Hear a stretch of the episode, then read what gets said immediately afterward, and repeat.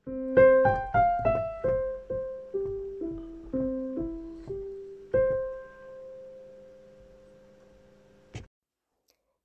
velkommen til Orden i rot podkast.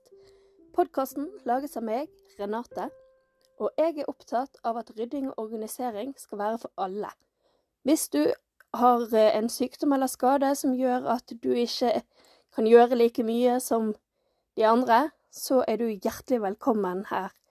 Jeg lager episoder på rundt 15 minutter pluss-minus i uken, og jeg prøver å ha litt forskjellig innhold hver uke. Så hjertelig velkommen, og eh, følg gjerne podkasten, så blir jeg veldig glad.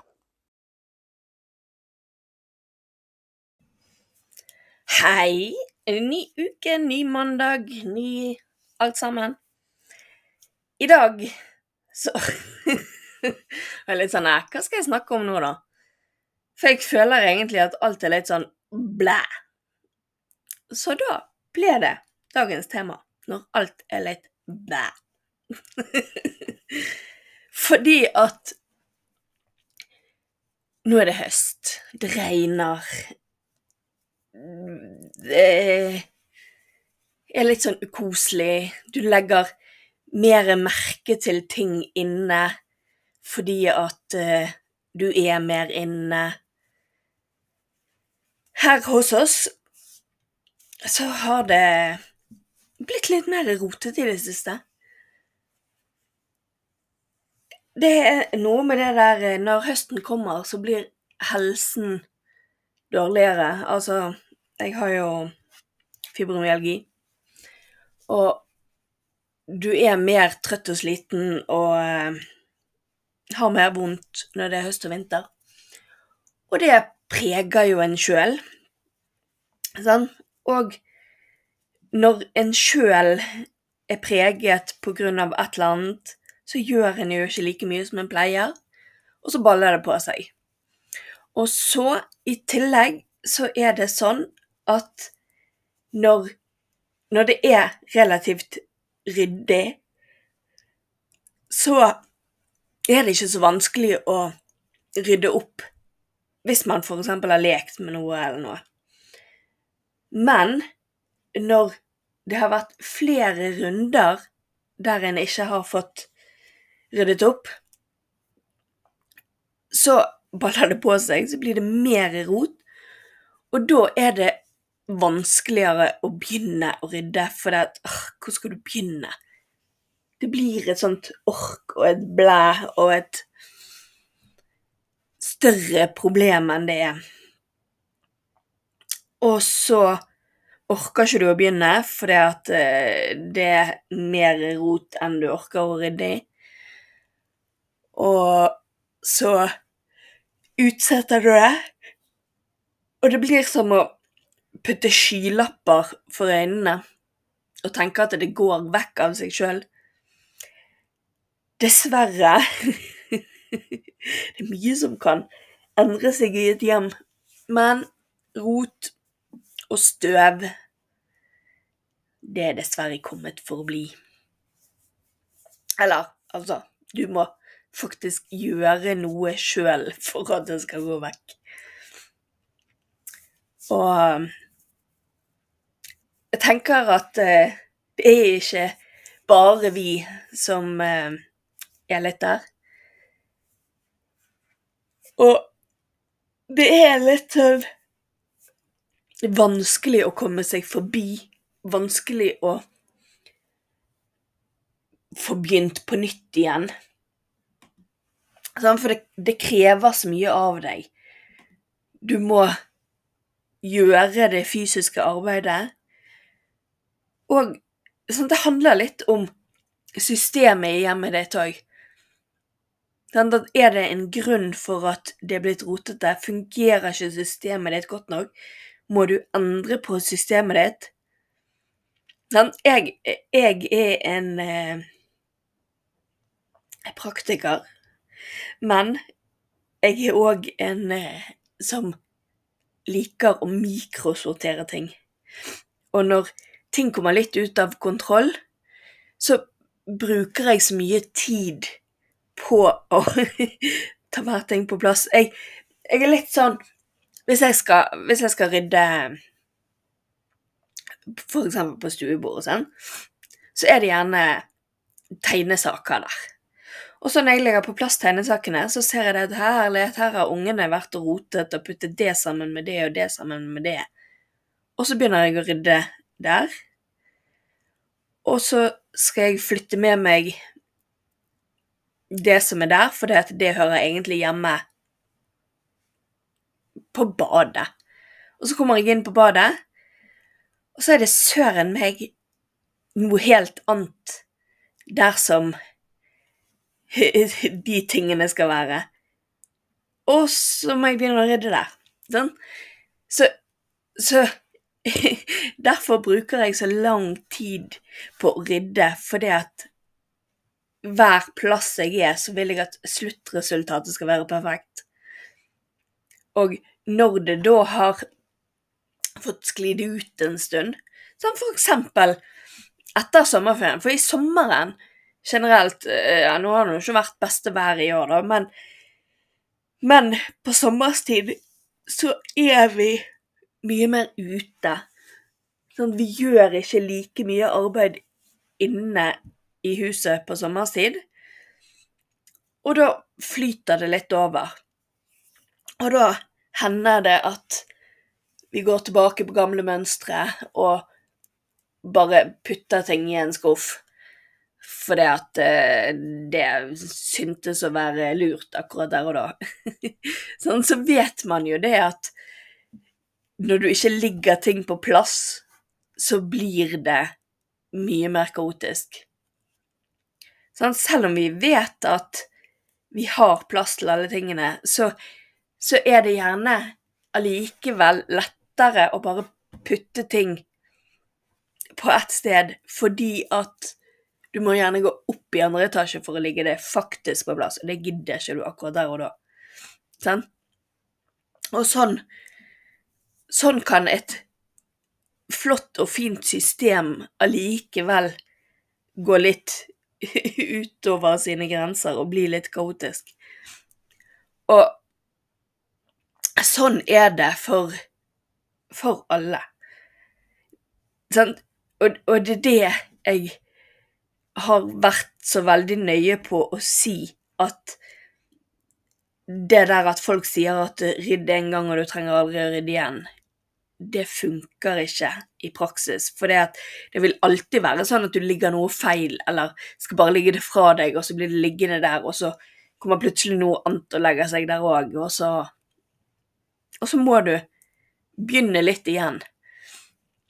Og nå når jeg ikke har gjort så mye på en stund hjemme, så er det blitt en del sånne blæ-soner rundt om der jeg kjenner at det er litt vanskelig for meg å begynne. For jeg, eh, jeg har ikke helt energien, jeg har ikke helt lysten. Jeg vil at det skal bare ordne seg sjøl, så jeg slipper å gjøre noe med det. Selv om det er både urealistisk og dumt å tenke på. Og alle opplever sånne perioder der ting ikke går helt som man skulle ønske. Sant? Om det er helsegrunner, eller om det er rett og slett at du ikke gidder, eller om det er fordi du ikke har tid, så, så er det vanskelig å komme inn igjen i gode rutiner når du har vært vekke fra dem. Sånn, jeg har jo jeg har jo disse daglige oppgavene som skal hjelpe til å holde det noenlunde i sjakk. Men for å være helt ærlig, så har jeg ikke gjort de så veldig mye i det siste heller. Jeg har rett og slett gjort ekstremt lite. Dette ble en eh, veldig ærlig podkast i dag. Og,